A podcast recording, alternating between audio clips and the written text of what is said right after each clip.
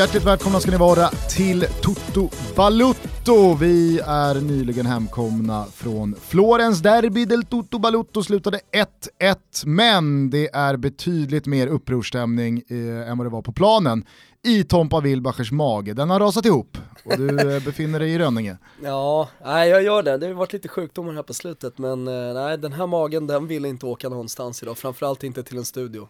Och jag, ing, ingen ville vara med mig där heller. Så Behöver blir det väl om eh, när man eh, petar i sig eh, komage som matchmat.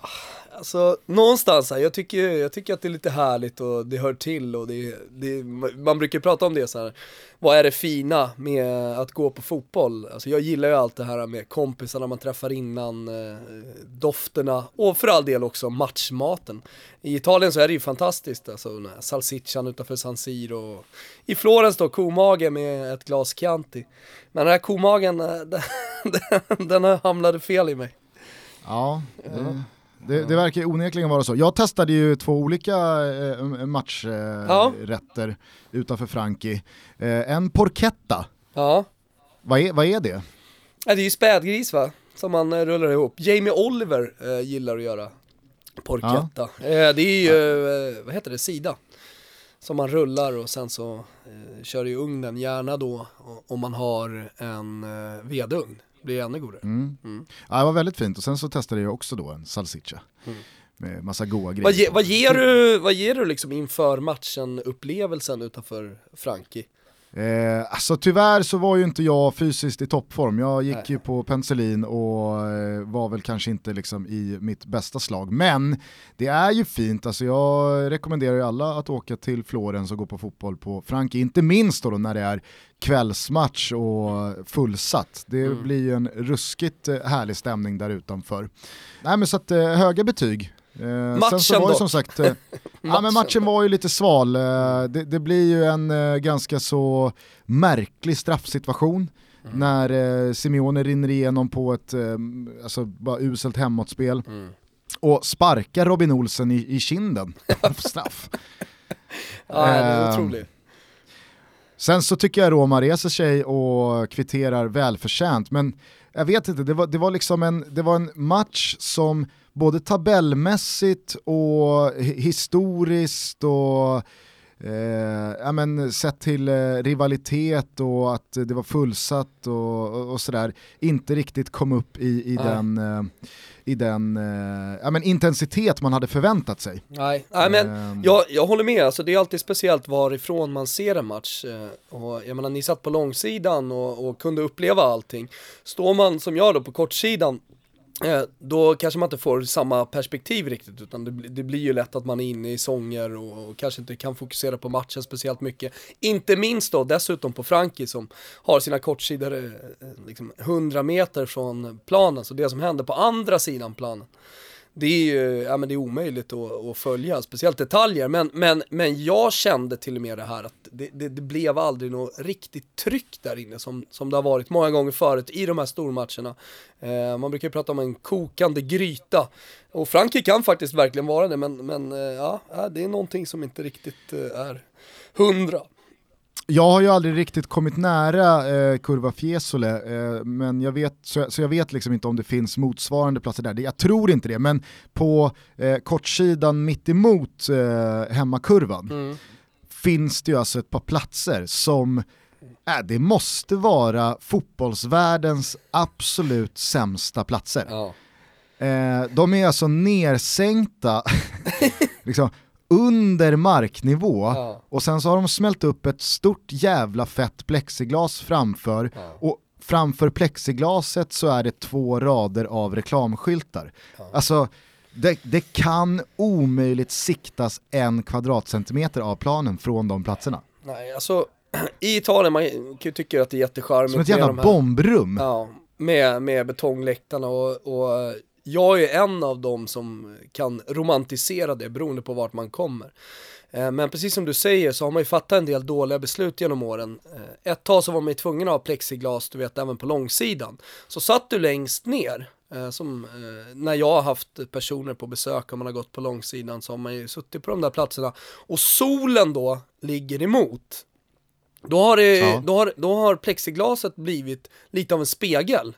Så du sitter liksom samtidigt och tittar på dig själv. Det, men det där blir ju någonting så mentalt, du kan också jobba bort det lite och komma in i matchen. Också... Men när du börjar tänka på att jag ser ju faktiskt mig själv här i plexiglaset, då kommer du ju aldrig tillbaka igen. Blir det också någon slags effekt av eh, när man eh, körde sol, solstrålar genom förstoringsglaset på pissmyror och skalbaggar när man var liten i skolan? Menar man brinner upp?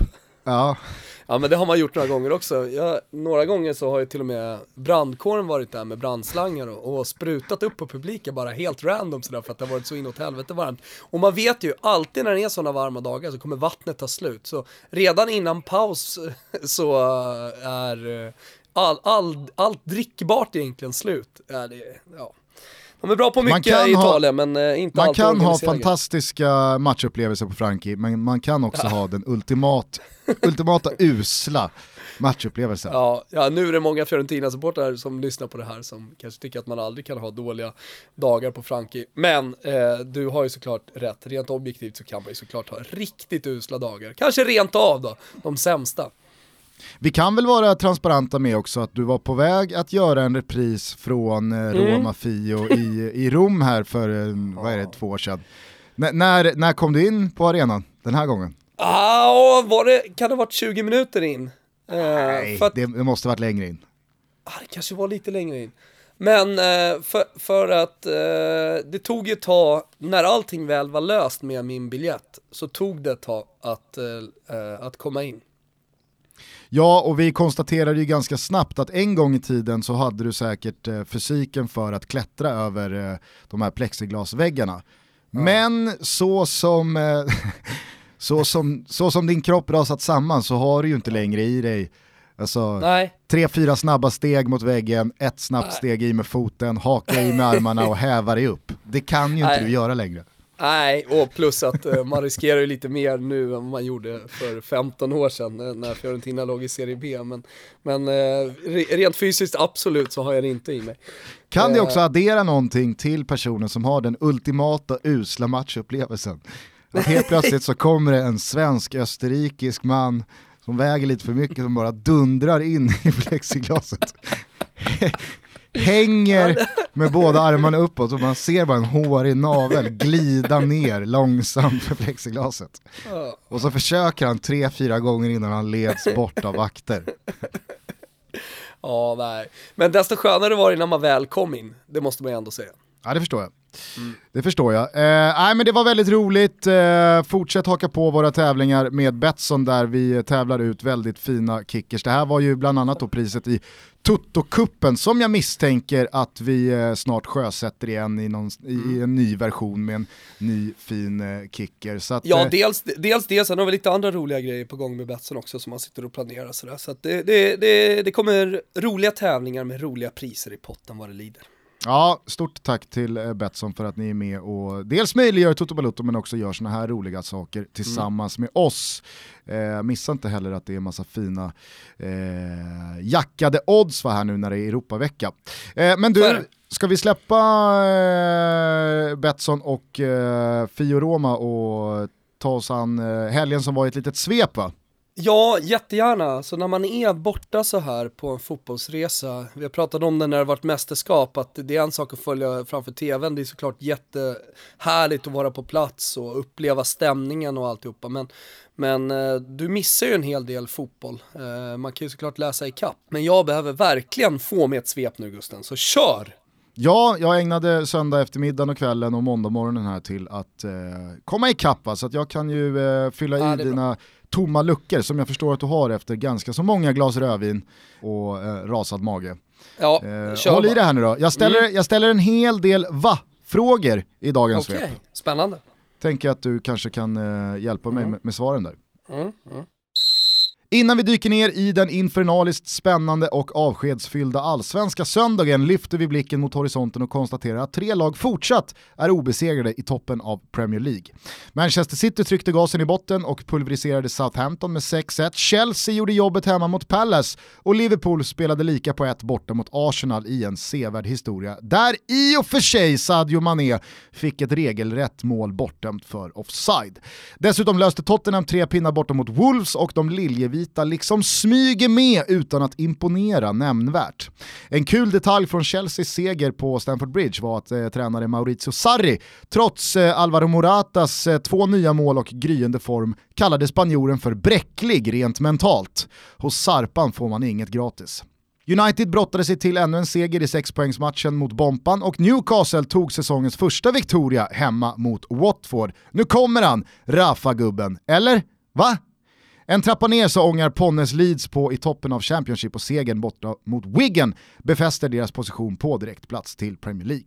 I Tyskland tappade återigen Bayern poäng, den här gången hemma mot Freiburg, vilket gjorde Thomas Müllers eh, fru Lisa mindre road och hon hånade tränare Kovacs på Instagram. Uppfriskande.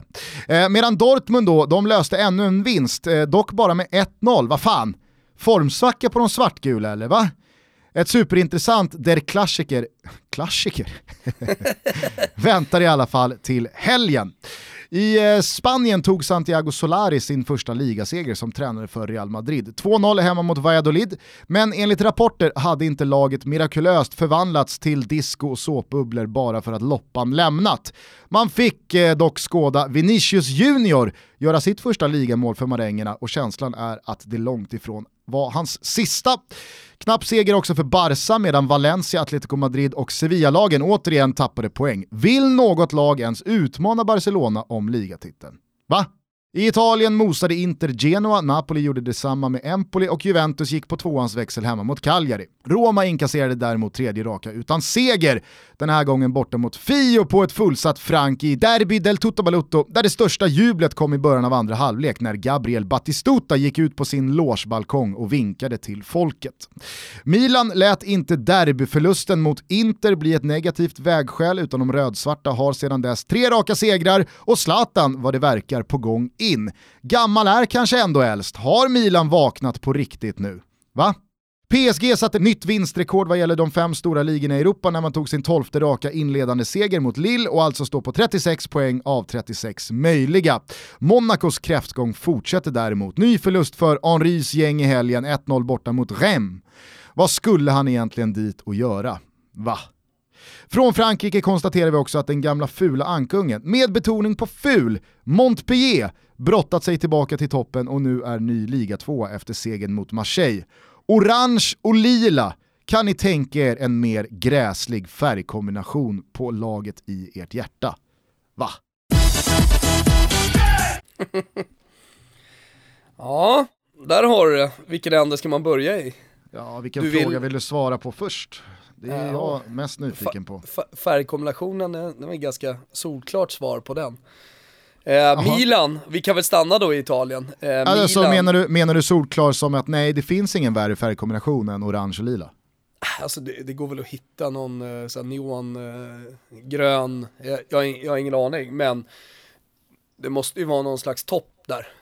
Ja men alltså man har ju sett på senare år eh, bort, bortaställ mm. som är helt gräsliga, men alltså Montpellier har ju som, som sina färger, som sitt eviga hemmaställ. Orange tänker, och, och, nej, det är så fult mm, alltså. Nej men om man, om man, om man tänker att eh, matchtröjan nu börjar bli mode, när rappare går upp på scener iförda eh, olika matchtröjor och man ser mer och mer folk som eh, använder sig av de här, kanske framförallt 3D-tröjorna men även liksom klassiska retrotröjor sådär som, som ett mo en modeaccessoar, som ett plagg. Eh, även när man inte går på fotboll. Eh, och, och då tänker på Montpellier så är ju det kanske då en av de svåraste tröjorna. Det ska mycket till för att man ska bära upp den så att säga. Verkligen. Eh, så, så, nej men det, det, den, den skjuter vi ner va, det är första, första svaret. Och sen så stannar vi kort då i Italien med Milan.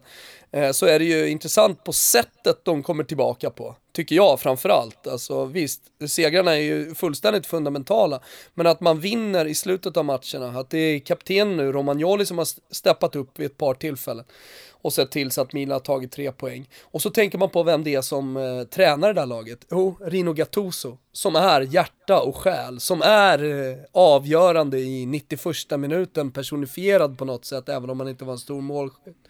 Men med en tackling eller vad det nu är, en som jobbar in i kaklet, en som hela tiden manar på sina spelare. Eller manade på sina spelare när han väl var på planen. Eh, det, det, är liksom som att han har fått ut allt det där, alltså hela sin karaktär också på laget. För att om vi ska vara helt ärliga så är det ju kvalitativt kanske inte något superlag. Även om eh, jag tycker att de borde kunna greja segrar tidigare än i 90 minuten hela tiden. Eh, för, för så pass bra är det ändå. Men här hade Iguain gått ut och det var en match som verkligen, så, ja men den, den led mot sitt slut. Här skulle Milan inte ha några poäng, och sen så i 97 minuten liksom, så, så hittar man det där på det sättet också, stå och trixa in i straffområdet, passa fram och tillbaka. Eh, och, och sen skottet. Det, det, det, det jag, jag vet inte, någonting i mig bubblar lite när jag tänker på att det är eh, Gattuso som tränar ett lag som, som tar den här typen av segrar. Är du med på vad jag menar?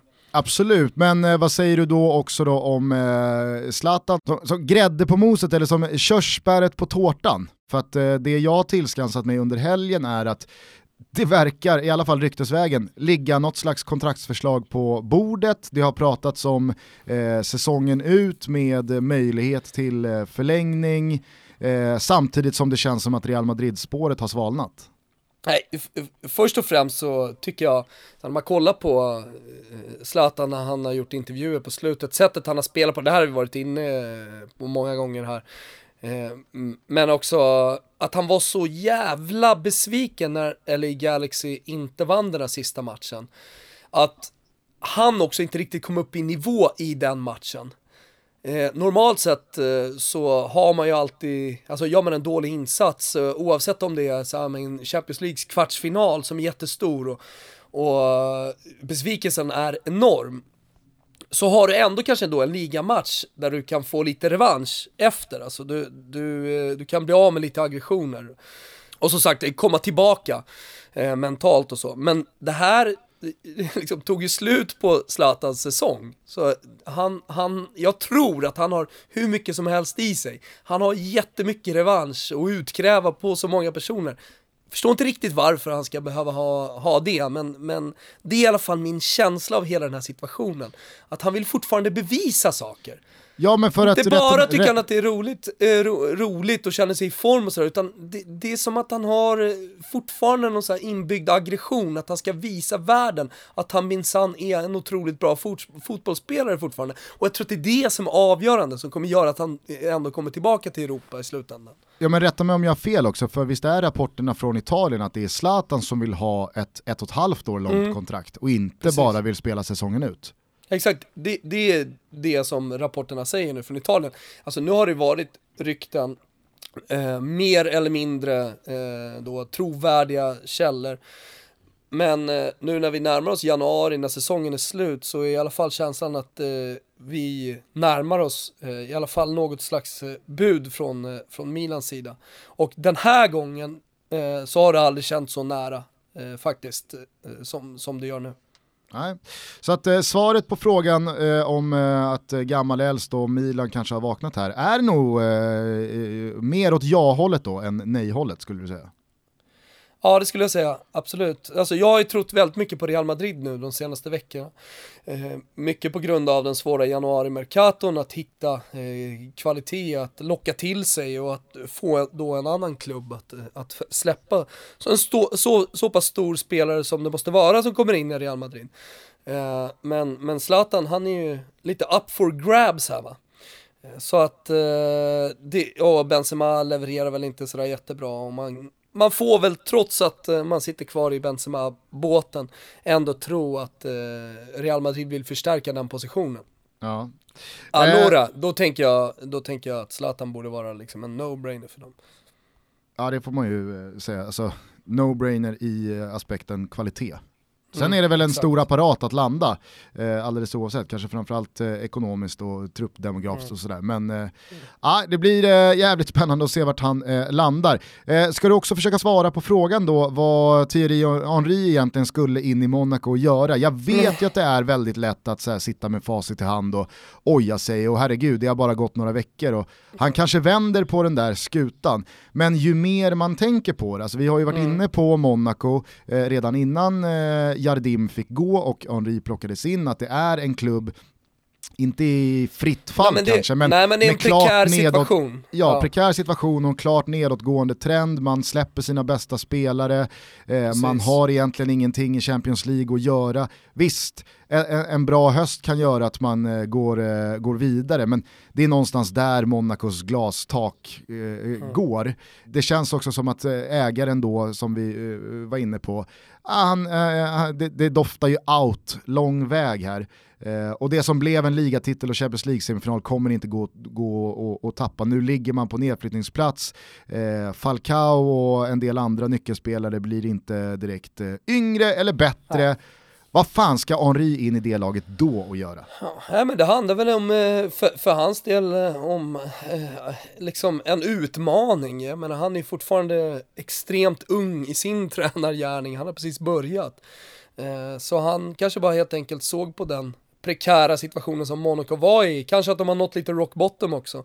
Eh, att han faktiskt kunde göra någonting där eh, som, som eh, utvecklar honom. Eh, jag skulle misstänka att det har med det att göra i alla fall. Ja, ah, jag, jag vet inte. Så det, det, det är... ja, men risken är att man går på pumpen också lite grann. Precis. Vi har ju flera tillfällen tagit upp eh, tränarexempel som liksom har kommit fel in i tränaryrket efter spelarkarriären och sen inte riktigt kommit tillbaka. Nej, och det kändes som att Henri ändå hade, alltså han, eller han hade, nu, nu pratar man som, återigen då, som att det, det kommer gå åt helvete det här hela vägen för Henri, jag säger inte det, men hans första uppdrag, alltså först involverad lite i Arsenals ungdomssektion och sen så ta mm. rygg på Martinez som assisterande förbundskapten eller hjälptränare eh, i, i eh, Belgiens eh, stab. Det kändes som så jävla moget, att nu, han, han, han, tar bra beslut här i, i eh, i sin tränarkarriär. Men sen mm. att plocka Monaco i det här läget, ah, jag vet inte fan om man, eh, om man ens skulle dit. Nej men sen, sen, sen eh, bara i, i Frankrike där, du nämnde i svepet 12 raka för PSG. Alltså nu, det, det har gått några år men det har alltid funnits någon som har utmanat. Eh, det har varit ett Marseille eller det har varit ett Monaco som, som har funnits där och ändå gjort vissa veckor eh, lite spännande. Eh, och, men men nu, nu har man ju tagit det sista klivet mot att bli sådär överlägsna som man hela tiden har förväntat sig att de ska bli. Eh, och, ja, det, är inte, det är inte jätteroligt, vi har, vi har ju såklart en liknande situation i Italien, även om det, det är mer jämnt där och det finns större ambitioner och mer pengar hos lagen som jagar bakom. Eh, men det gör ju någonting med när, när, eh, när man inte håller på Bayern München och det inte går så bra för Bayern München och de, de tappar poäng igen. Eh, lite, lite kul är det ju att, uh, att ligor fortsätter att leva. För det är så lätt att räkna, det, det, det, det enkla är ju bara att räkna ut det uh, på förhand. Det här vinner Juventus sa vi i juli, när ja. Ronaldo var klar. Det, det måste man ju säga, annars är man ju dum. Uh, man måste ju tro på, tro, tro på fortsatt slakt liksom av, av Juventus. Men nu har man kommit så långt i, i, i Frankrikes fall, man kommit så långt så att alltså, det är inte ens kul för PSG. Nej, man får ju känslan av att ingen där tycker det är roligt heller. Nej, och de bakom, ja, vi, vi har nämnt Monaco då, Marseille. Det finns inte riktigt förutsättningar för att ens komma nära. Det kan jag ändå tycka att så här, Inter, Milan med sin historia så eh, det finns ändå potential att, eh, att de här lagen kommer att kunna utmana vad det lider. Eh, på tal då om eh, Bayern München, jag nämnde ju här Thomas Müllers fru Lisa i svepet. Eh, mm. finns ju någonting väldigt eh, liksom, moderna fotbollen 2018 när Instagram då är en en, en tydlig eh, signal i varför man pratar som man gör. Alltså det här brukar, mm. Instagram brukar ju spela en stor roll, i alla fall på, på senare år, eh, när det kommer till transfers och eh, rykten mm. gällande övergångar. Någon har börjat följa en klubb eller någon har likat mm. eh, någons bild och någon eh, typ landslagskollega har kommenterat eh, “see you soon” och så du vet, är hela maskineriet igång. Eh, kommer du ihåg för ett år sedan när Andreas Granqvist vann Guldbollen och Emil Forsbergs mm. eh, numera frua eh, po postade en bild då, då på eh, Emil och, och liksom skrev ut eh, hans stats från Bundesliga-säsongen som gått. Och, mm mer eller mindre då antydde att vad, va, är det någon jävla skämt här eller? Att, eh, mm. att eh, och sen, och sen så blev ju, det där blev ju ännu starkare av att, eh, ja, som det rapporteras var Janne Andersson som hade någon slags utslagsröst. Mm. Vilket är helt sjukt att han ens sitter i juryn kan jag tycka. Men ändå, att det var han som i slutändan gav Guldbollen till Granqvist då. och det, det var ju Eh, en, lit, en liten grund till den lilla schism, jag tror inte det är något allvarligt, men en lilla schism som verkar ha funnits eh, mellan Janne och, och Emil. Ja det finns i alla fall eh, fortfarande någonting, tycker i alla fall jag, fräscht då när eh, spelarfruar eller kompisar eller brorsor eller... Alltså, du omfamnar 2018? Ja, men jag, jag, kan tycka att det är tröttsamt när agenter placerar eh, saker eller mm. får eh, snöbollar jo, att börja rulla. För men då, är någon... det, då, är det en, då är det en, då är det mer en affärsbaktanke. Exakt. Då vet man att då vill de tjäna pengar. Här är ja. det bara känslor. Exakt, här har känslorna styrt. Det som eh, skedde då var att eh, Bayern München, eh, de fick ju som sagt bara 1-1 hemma mot Freiburg i helgen. Eh, tränare Niko Kovac hade eh, startat matchen med Thomas Müller på bänken. Och så då lägger Lisa Müller upp en bild på när Müller, alltså Thomas står redo att hoppa in och så med, med bildtexten då. Det tog 70 minuter innan han till slut fick en snilleblixt. Eh, och alltså, ja, det blir vad, vad heter blir... snilleblixt på tyska? Schnillenblixten. ja, jag tänkte det. Jag tänkte det. Ja. Något sånt. Nej men mm. det här blir ju såklart då, eh, det, det, blir, det blir en storm och hon får ta bort eh, bilden, hon får be om ursäkt till Kovacs. Men det här eh, spär ju då bara på diskussionerna kring Bayern München som har det jobbigt i ligan eh, och bland annat då låter Matteus och Dietmar Hamann eh, antyda att det här är bara ytterligare en aspekt i hur löst eh, Niko Kovacs hänger och att mm. det, det, är bara en ännu mer tydlig signal att spelargruppen inte står bakom honom. Samtidigt så börjar jag känna så här, vad fan, nu får väl Bayern München börja, liksom, spelarna får ju börja. Då, ja, men de får ju börja bestämma sig. Alltså ska de tycka om någon tränare? Va, va, liksom, eller, eller ska alla bara liksom, jupp, kom tillbaka en gång till? Alltså, mm. Bayern München, de, de knallar på en slak lina här och nu väntar ju eh, Dortmund eh, borta eh, på Westfallen här i Der Klassiker till helgen. Nu har ju såklart Bayern München alla chanser i världen att, att dels vinna den matchen men framförallt eh, att eh, vinna ligan till slut ändå. Men det känns ju som att eh, ett, ett halvskralt resultat i veckans Champions League och sen poängförlust eller rent av förlust eh, mot Dortmund i helgen då vet du fan om Kovac hänger kvar alltså. Nej, det vet du fan. Eh, man kan ju säga så här, om Preziosi, Genovas eh, eh, president, hade varit president i Bayern München, då hade ju Kovac fått gå för länge sedan. För nu rapporteras det ju att Ivan Juric ska få sparken från, från Genoa. Hur länge har han varit där? Hur länge har han varit där? Är Preziosi nya Samparini? Ja, men han har alltid eh, varit eh, en president eh, som man kan placera i den kategorin. Galna italienska presidenter med Cellino, Zamparini och, och så vidare. Den gamla skolans italienska presidenter som kallas för manjal natori, sådana som äter och upp tränare. Om nu Djuric skulle få sparken, då vet man ju att den gamla klassiska italienska övningen kommer gå igen då, då för att eh, tidiga, tidigare tränaren som alltså fick sparken för bara Ballardini här Ballardini, han, det, det, kommer ju givetvis, det kommer ju givetvis då bli han som återvänder. För att han fortfarande står under kontrakt. Nej, men här läser jag från eh, den kanske mest trovärdiga källan, det vill säga Gianluca Di Marzio, läser jag innan till att då skulle Genoa kunna bli intresserade av Cesar om man inte lyckas göra en bra prestation mot Napoli. Eh, så då skulle man eh, kunna bli intresserad av Cesare Prandelli, Davide Nicola. Eller en återkomst av Davide Ballardini. Så att ja, mycket riktigt Gusten. Han är ju fortfarande avlönad. Så att då kan Också vi lika gärna, det, kan vi lika gärna köra på. Ja, jag visst, men det roliga med Davide Ballardini är att han har ju varit i den här situationen flera gånger, så han är väl van. Han har kvar sitt eh, lägenhetskontrakt säkerligen igen och han sitter bara och väntar på ytterligare en förlust. Man visste ju också då inför eh, de här matcherna som man har förlorat med Juric, att det var en väldigt tuff period för Genoa och att man förmodligen inte skulle ta speciellt mycket poäng. Eh, men, men, att det skulle gå så här dåligt, torska 5-0 och så vidare, det, det är väl ja, tillräckligt starka signaler på att någonting inte riktigt funkar. Ja, men jag vill minnas att jag delade ut en gulasch till eh, någon tränare i Serie A för något år sedan som gjorde det här, alltså återvände till klubben ja. han blev sparkad från bara någon månad, två senare. Alltså Ballardini kan ju bli ytterligare ett exempel på den ryggradslöse Serie A-tränaren som vänder tillbaka och hackar i sig att Aha, det passade inte för en månad sedan men nu är jag tydligen önskad igen så att vi ja. kör på. Däremot så känner jag bara så här, om det nu skulle bli så att Kovacs om en vecka eh, eller två får lämna Bayern München, alltså vi får väl anta att eh, Santiago Solari blir kvar eh, längre än de här två veckorna. Som man ja, alltså inte, alltså, man får ju inte vara interimtränare i Spanien längre än två veckor utan då måste man erbjuda honom jobbet längre. Eh, jag förutsätter att det blir så att Solari då eh, är Real Madrid-tränare säsongen ut. Är det inte ett sånt jävla guldläge för Bayern München att plocka Conte då? Jo, alltså någon, måste, någon stor måste ju plocka Conte kan man ju tycka.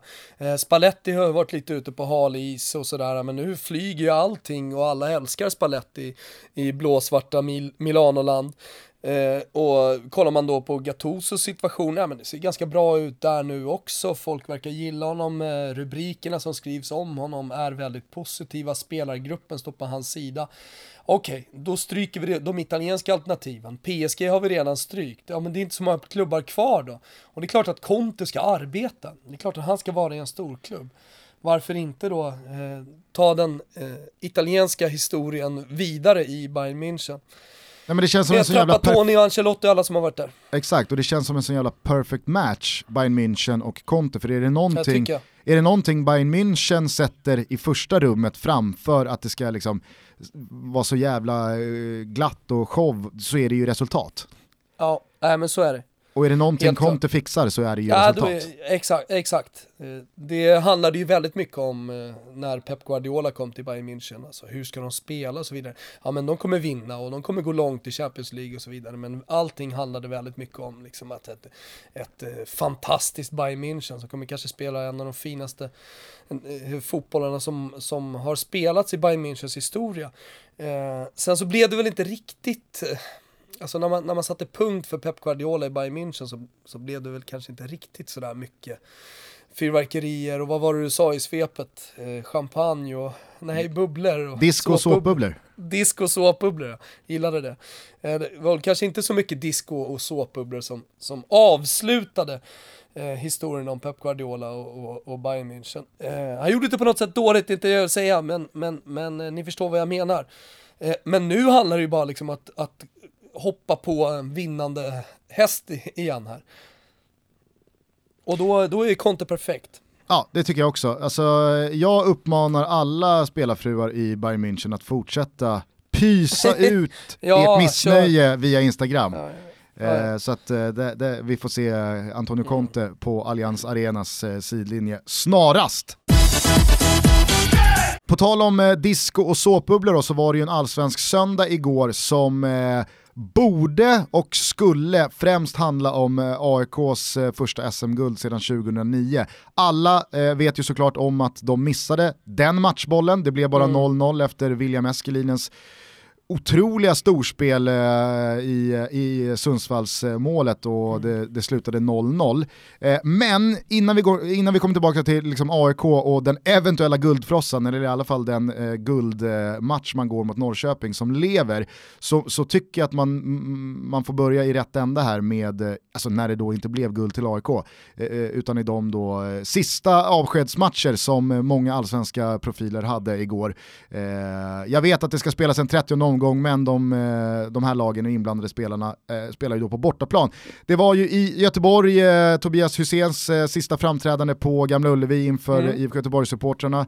I Norrköping så spelade Andreas Johansson och Daja Sjölund sina sista matcher för Norrköping framför hemmasupportrarna och på Tele2 så var det ju Kennedy Bakircioglu's sista eh, hemmamatch framför bayern supportrarna Börjar man bara med Kennedy så måste jag säga, alltså vi satt ju här förra veckan eh, med Svanemar och vi alla tyckte att det var givet att eh, man skulle starta med Kennedy i den här matchen.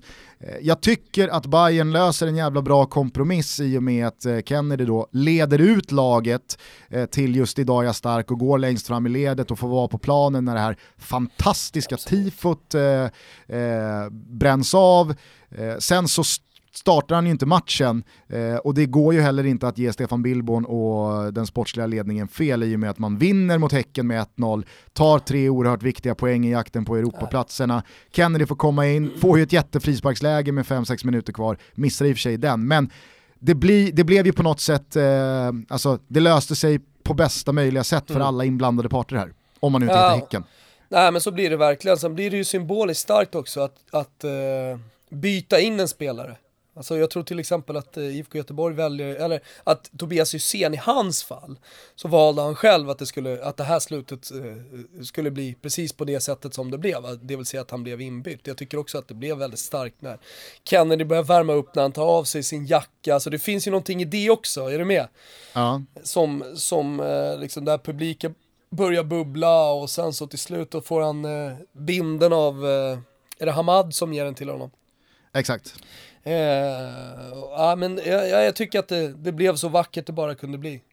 Nej, sen så tyckte jag verkligen, alltså Bayern förtjänar all cred här i och med att de hade ja, men samlat eh, gamla lagkamrater och gamla eh, liksom, eh, ledare från den sportsliga ledningen, eh, där alla står och applåderar. Det var ju, alltså, det, det var ju ganska likt Tottis avsked, eh, förutom då det nedsläckta och eh, mobilljuset och att Money Brother river av en dänga, men förstår vad jag menar i det här just ja. att man, man, man eh, hade fått dit eh, gamla spelare och, ja, som, som bara liksom så här värdigt står och applåderar honom och han får liksom en ja, sista gång deras kärlek. Ja. ja det var också... väldigt mycket värdighet och värme och, och kärlek och tårar.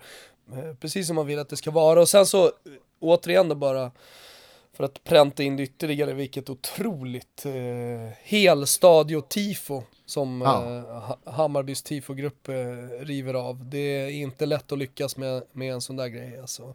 Men det, det, det, gör de, det gör de på det bästa möjliga sättet, det är fem getingar.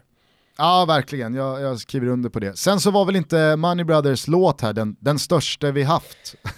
Alltså, har, jag såg Simors sändning sen. Man har inte gått och nynnat på den direkt, alltså, den, var, den, var, den var inte så catchy.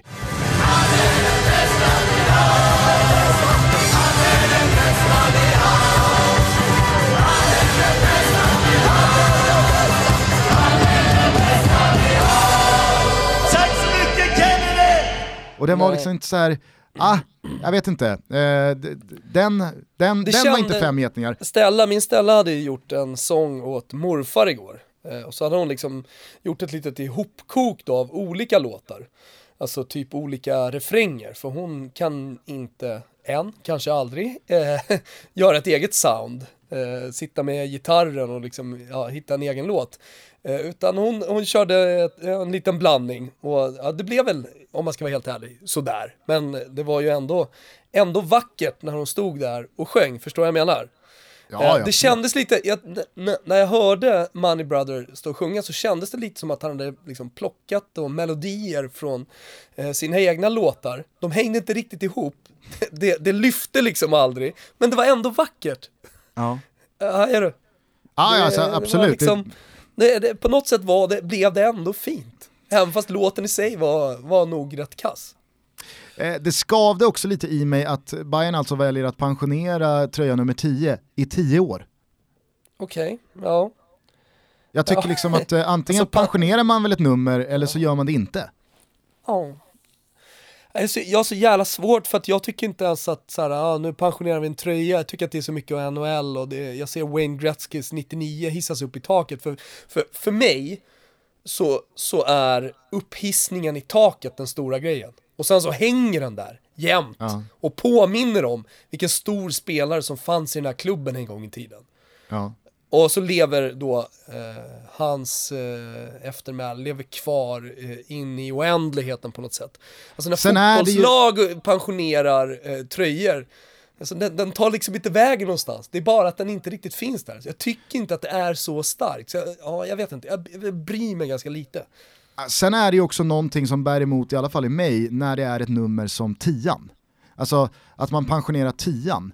Eh, i, i, inom hockeyn, alltså, det känns så Det mycket finns mer så rim- många nummer. Exakt, det, det, det, många det, nummer. det är så rimligt att säga, ah, men vi pensionerar nummer 21 eller nummer 68 eller nummer eh, 55. För det finns, det finns liksom 99 andra nummer att eh, spela i.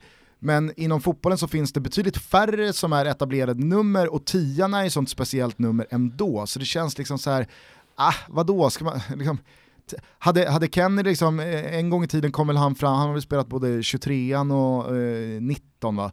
Alltså så här, hade det varit något sånt nummer, eller i, i, i, i AIK till exempel, att, eh, nu vet inte jag om det är eh, så, men hade man då pensionerat nummer 27, alltså Ivan Torinas nummer, så, så, så är det, det, det, är så mycket, det är så mycket mer lättsmält att ställa sig bakom att man pensionerar ett sånt nummer än nummer 10.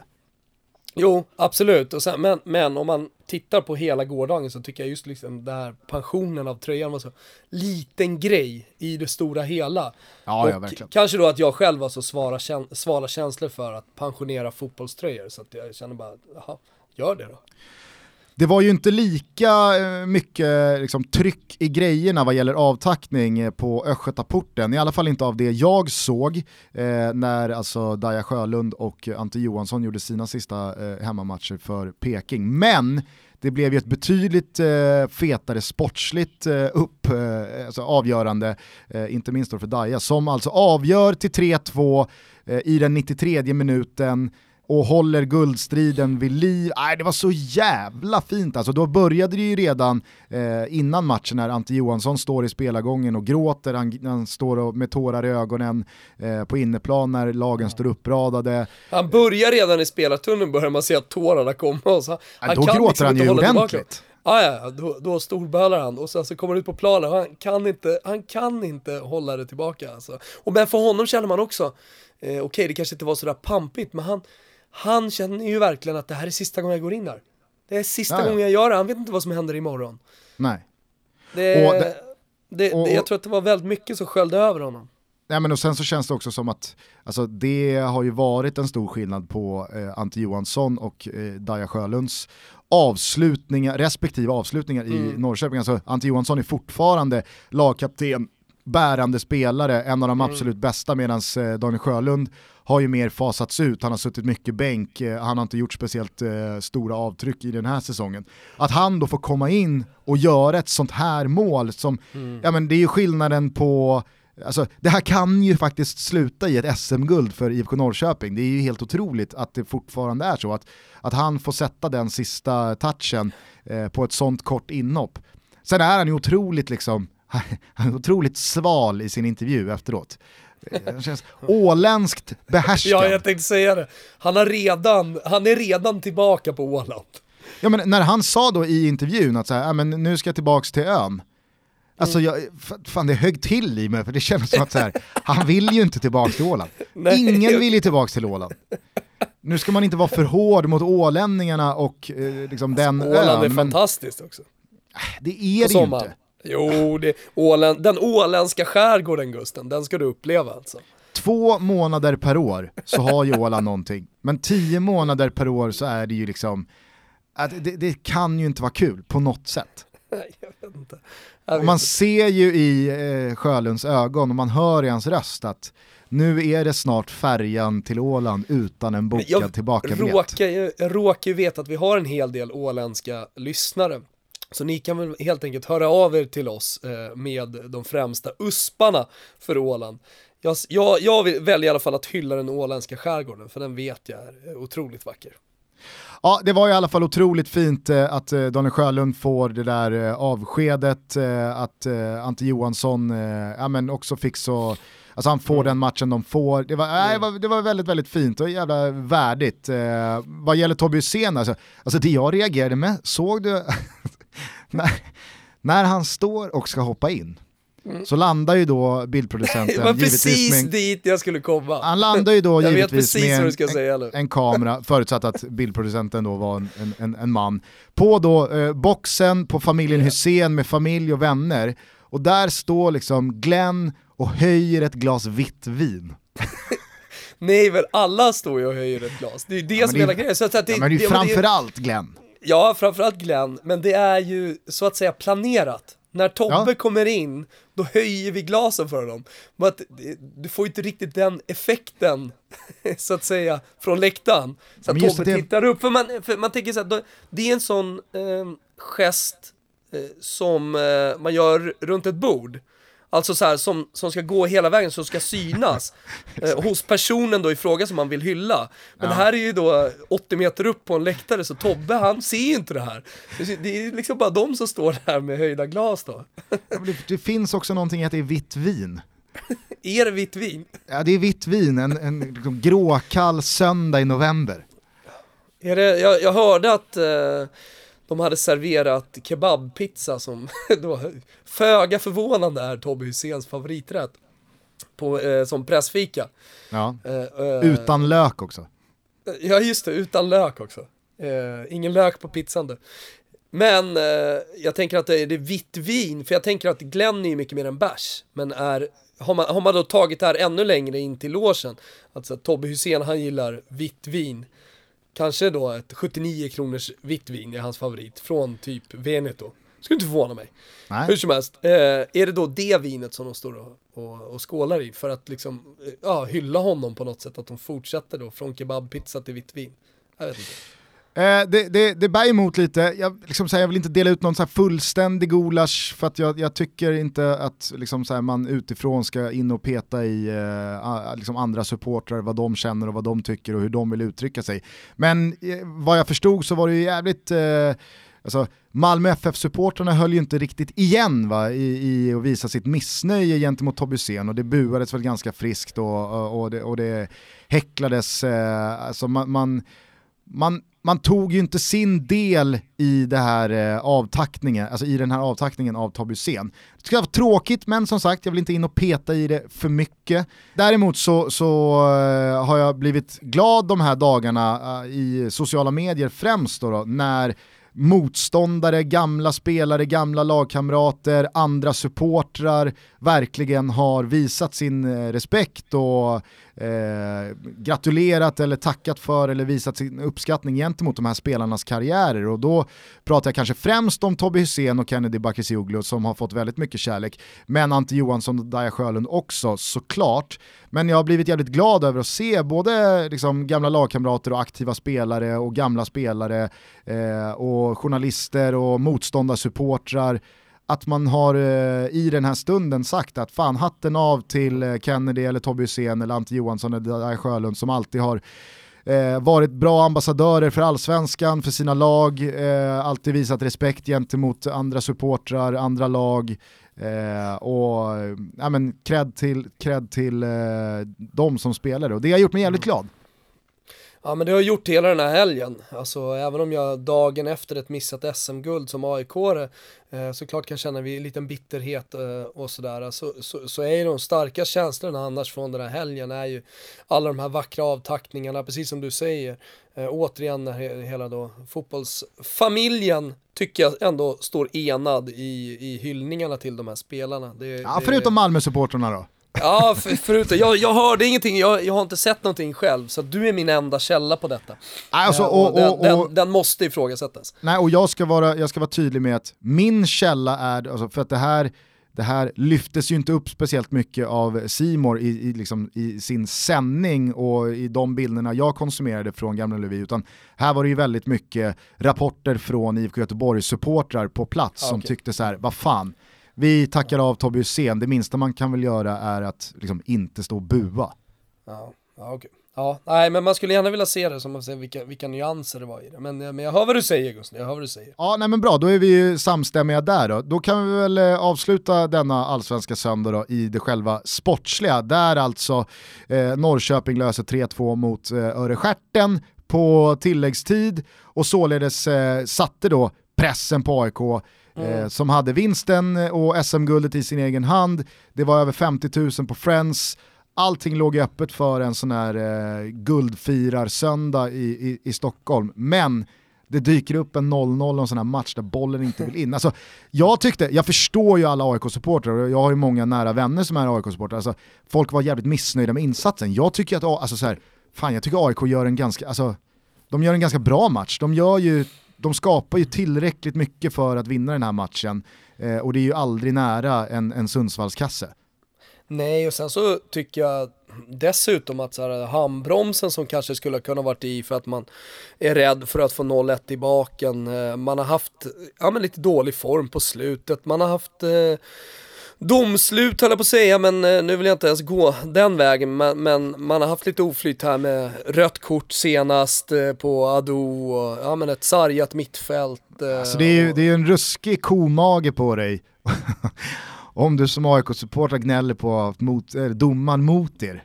Nej men det, det, var inte det jag ville göra, jag, men jag, jag vill måla upp någon slags bild av att eh, att eh, guldfross eller handbroms eller vilket uttryck nu man vill använda sig av, att, eh, att det, det skulle leta sig in någon slags hjärnspöke här nu. Oj, alla förväntar sig 50 000 här, vi måste sätta bollen.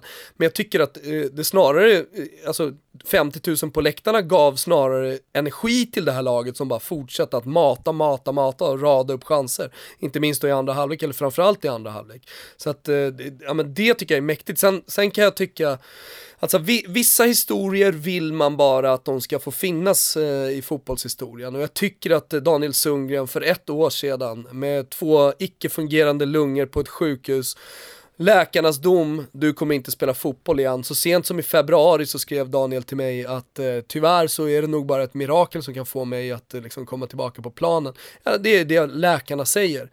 Eh, nu har han slängt sin eh, huvudbonad och bara gasar på den jävla kanten och är bättre än någonsin. Och att han skulle få göra då ett guldgär i mål från 30 meter tror jag att även andra supportrar som inte är AIK faktiskt kan, liksom, de kan förstå hur jävla trist det är att det inte fick bli mål.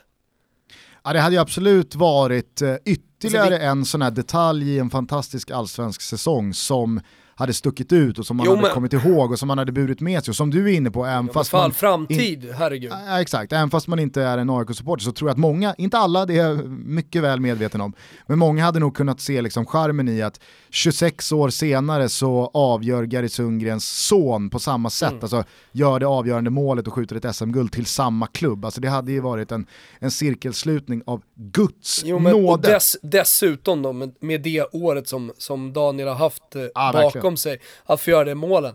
Du vet, när, när den inte satt, det är det enda, det enda jag kunde tänka på. Ja, hur, nej, och det, det, vackert det hade varit. Och det var ju ruskigt små marginaler, alltså inte bara Sundgrens eh, insida stolpe studs ut i Eskelinens rygg men den går utanför.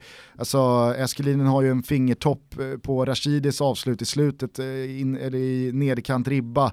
Eh, Henok är fri, alltså det, är så här, det fanns ja. ju chanser för AIK att avgöra det här. Istället så löser man, alltså 0-0, eh, nu är man nere på två poäng ner till eh, Peking, 50 000 fick ja men alltså man fick satte inte... Satte guldskumpan i halsen, så att säga, i vrångstrupen satte man den.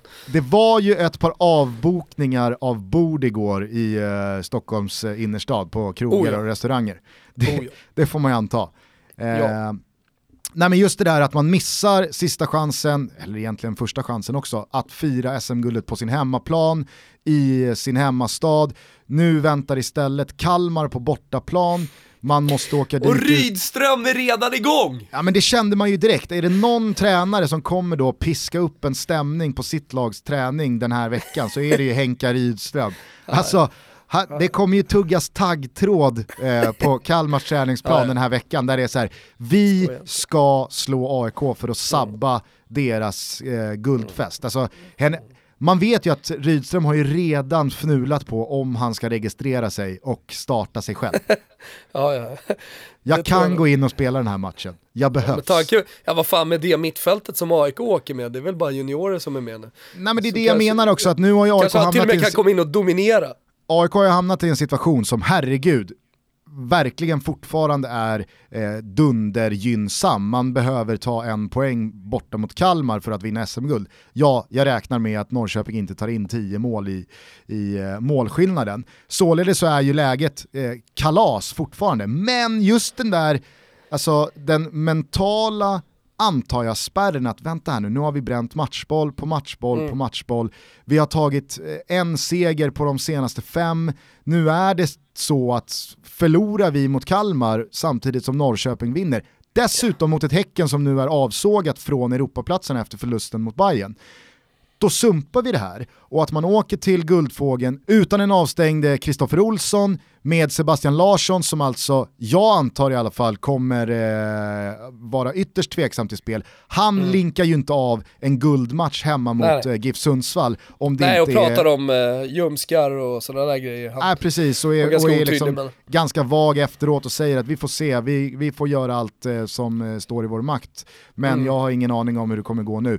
Eh, Oskar Linnér är också skadad. Jag räknar med att eh, Enok Kofi Adu får en match avstängning till. Det är mm. liksom kutym, tycker jag, i alla fall i min erfarenhet av att ett straight red, ett direkt rött kort, ger minst en match eh, avstängning mer än när eh, spelare får två gula. Om man nu inte i någon sån här samstämmighet tycker efteråt att nej men det där var ett felaktigt direkt rött kort. Här måste det ju finnas någon slags prejudikat, alltså du måste väl kunna hitta exakt samma situation för en annan spelare och använda sig av det. Absolut. Men jag menar, ta till exempel, eh, det var väl Kennedy Buonanike som fick ett helt horribelt rött kort. Eh, mm. Där det då inte blev någon påbackning för att man efteråt kände så här, vad fan är det här? Alltså, mm. det där ska ju inte vara rött kort. Jag tycker ju inte att eh, Enok Kofi Adu skulle haft rött kort, men i efterspelet så, så, alltså, så här, det, det, verkar ju snarare vara en majoritet som tycker att jo men det där finns det stöttning för i regelboken och det där ska vara rött kort. Eh, och är det så, ja men då kan man inte backa från det heller och säga att men nu har han fått sin avstängning, då ska ju Adu ha en match till. Mm. Sen, jag, jag, jag, antar att eh, Panos Dimitriadis mest var trött och slutkörd igår, mm. men han såg ju inte heller ut att vara i, i eh, toppslag rent fysiskt. Så jag menar, det finns ju eh, en, en, en rad bryderier vad gäller AIKs starkaste elva att åka till Kalmar och då fixa ett resultat. Det, alltså jag, jag, tror också att det svänger så jävla mycket mentalt när man går från att nu, vi har fler matchbollar på oss men nu är det Sundsvall hemma, nu kan vi tuta och köra till att det här är, det här är, sista, här är sista matchbollen. Mm, jag vet inte vem som sa det, om det var i Simors studio efter, men vilka jävla skillnader det kommer vara på träningarna, alltså stämningen på träningarna, misstänker jag i alla fall med Norrköping som gör mål på övertid eh, och ser till så att det lever inför sista omgången och AIK där då det var 50 000 besvikna supportrar, det var, det var stor tomhet kände jag också bland spelarna efter intervjuer. Eh, så det är ju en, det är en situation för Rickard Norling att hantera här nu som ledare som är, är, är väldigt delikat. Alltså Exakt. Här gäller det att trycka på rätt knappar, inte fel knappar. Nej, och som Axén var inne på också, att jag menar, Norrköping har ju egentligen aldrig haft någonting att förlora. Och de Nej. har fortfarande ingenting att förlora. AIK har snarare varit så här, när ska de vinna? Nu, mm. nu är det ju ändå någonting väldigt, väldigt påtagligt att förlora här. Mm. Nej, det, det, det, blir, det blir en, onekligen en, en otroligt spännande vecka. Och eh, en avslutning som man kommer komma ihåg alldeles oavsett vad som händer. Ja, äh, det blir eh, ruskigt eh, infernaliskt spännande att följa den här matchen på söndag när Allsvenskan 2018 går i mål. Dess, alltså, jag kan inte heller släppa Eh, visst, nu blir det lite liksom så här, eh, AIK-tungt igen kanske, fan vet jag, men det är de som slåss om SM-guldet, liksom, ni, ni, som tycker det får helt enkelt stå ut. Alltså, skillnaden på att avgöra SM-guldet hemma på sin hemmaplan, i sin hemmastad, där man kan gå ut och fira, eh, alltså så här, jämför det med Kalmar borta. Har du åkt till Kalmar? Ja, ja, man kommer ju aldrig fram. Man kommer aldrig fram till Kalmar. Jag hade det en chef en gång. Är helt sanslöst. Nej, jag hade en chef en gång som hade en sån här, vad hade han? Mustang, tror jag. Den går väldigt fort, eller hur? Mustanger går fort. Han hade en Mustang. Eh, och han påstod att han brände Stockholm-Kalmar på två timmar. Ja, omöjligt. Eller om det var 1.55. Omöjligt. Fan vad fort det måste ha gått alltså. Han vill man ju åka med i så fall då, om man, om man ska hem och ha ett guldfirande sen. Ja, nej, det är, alltså Kalmar är en stad som, det, man kommer aldrig fram. Om man inte har en Mustang. om man inte har en Mustang. Ja, nej fy fan vilken jävla upplösning av eh, allsvenskan Men innan som det- väntar. Innan det så är det Champions League, vi har Europa League, Malmö ska ut och lira i, i Europa till synes i alldeles eh, ypperlig fotbollsform dessutom. Så att eh, vi har ju flera roliga dagar och för alla då Norrköping-supportrar, AIK-supportrar, ah, men BP och Dalkurd eh, också såklart, eh, eh, som är nervösa så har man i alla fall lite fotboll att följa och kanske bli av med lite nervositet under de här dagarna. Ja, verkligen. Det finns ju ett par ruggiga smällkarameller i, i veckan. Mm. Eh, Napoli-PSG som eh, Svanen med eh, bihangen Liga. nere och kika på. Ja, precis. Eh, Inter Barca också, Inter ser ut att må väldigt bra, Messi ska vara tillbaka här nu. Atletico Madrid har ju en ruskig revansch att utkräva på Dortmund, får man väl anta. Eh, Ja, och de hade det ju- klassiker också i, i helgen. Och, ja men du sa ju det, bara 1-0. Fan du kanske är något på spåren här nu igen Gusten. Ja, ja verkligen. Äh, och sen så är det ju Juventus-Manchester United igen då. då. Eh, man undrar ju alltså, hur taggade Juventus-supportrarna är på, alltså hur mycket de kommer fokusera på Mourinho den här matchen. Mm. Med, med tanke på hur det lät på Old Trafford. Så Ja. det blir ju eh, det blir kul att följa Mourinhos match också eh, på Ja. onsdag, hur mycket han kommer eh, ta till sig eh, eh, ramserna från eh, de, de svartvita. Jo sen så verkar det ju som att eh, Strive verkligen har fått ordning på alla grejer och alla servrar och sådär. I helgen så har det funkat smärtfritt och om och jag tror ganska kort tid så kommer också svenska kommentatorer. Eh, så eh, efter eh, det lilla debaclet då under El Clasico så ser allt ut att vara på banan igen. Man går in på strivesport.com eller laddar ner appen. Det kostar 79 spänn i månaden för att se all italiensk fotboll och all La Liga. Ja, och eh, till helgen kan det ju absolut vara värt att sitta på ett Strive-abonnemang eh, om man då vill eh, fortsätta följa Milans eventuella väg eh, tillbaka till eh, toppen. Det är ju ett riktigt examensprov här nu när Juventus kommer på besök eh, till San Siro på söndag. Det är en match jag inte missar i alla fall. Nej men tänk dig, tänk dig seger i den och alla de här moralstärkande övertidsminuter, segrarna tidigare här.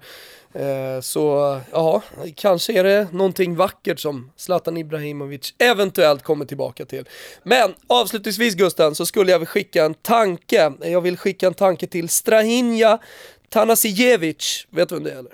Nej, det gör jag ingen absolut aning? inte. Nej, ingen Ja, aning. Ja, han debuterade igår va, för Venturas Kevo. Jaha. Serie A-debuten. Vet du hur det gick?